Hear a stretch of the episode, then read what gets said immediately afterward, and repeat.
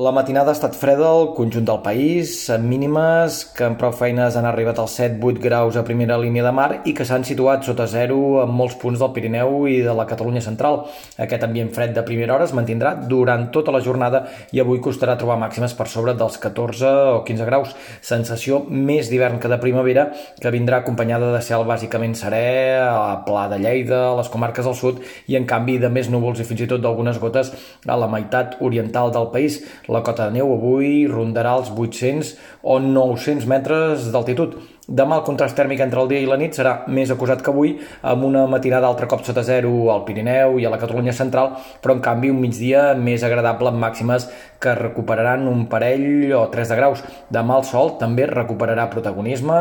pocs núvols i precipitacions ja restringides al vessant nord del Pirineu, quatre flocs cap a la Vall d'Aran al nord del Pallars fins a mig matí i aquesta recuperació de les temperatures sembla que es consolidarà a inicis de la setmana vinent, però en tot cas, en conjunt, la propera setmana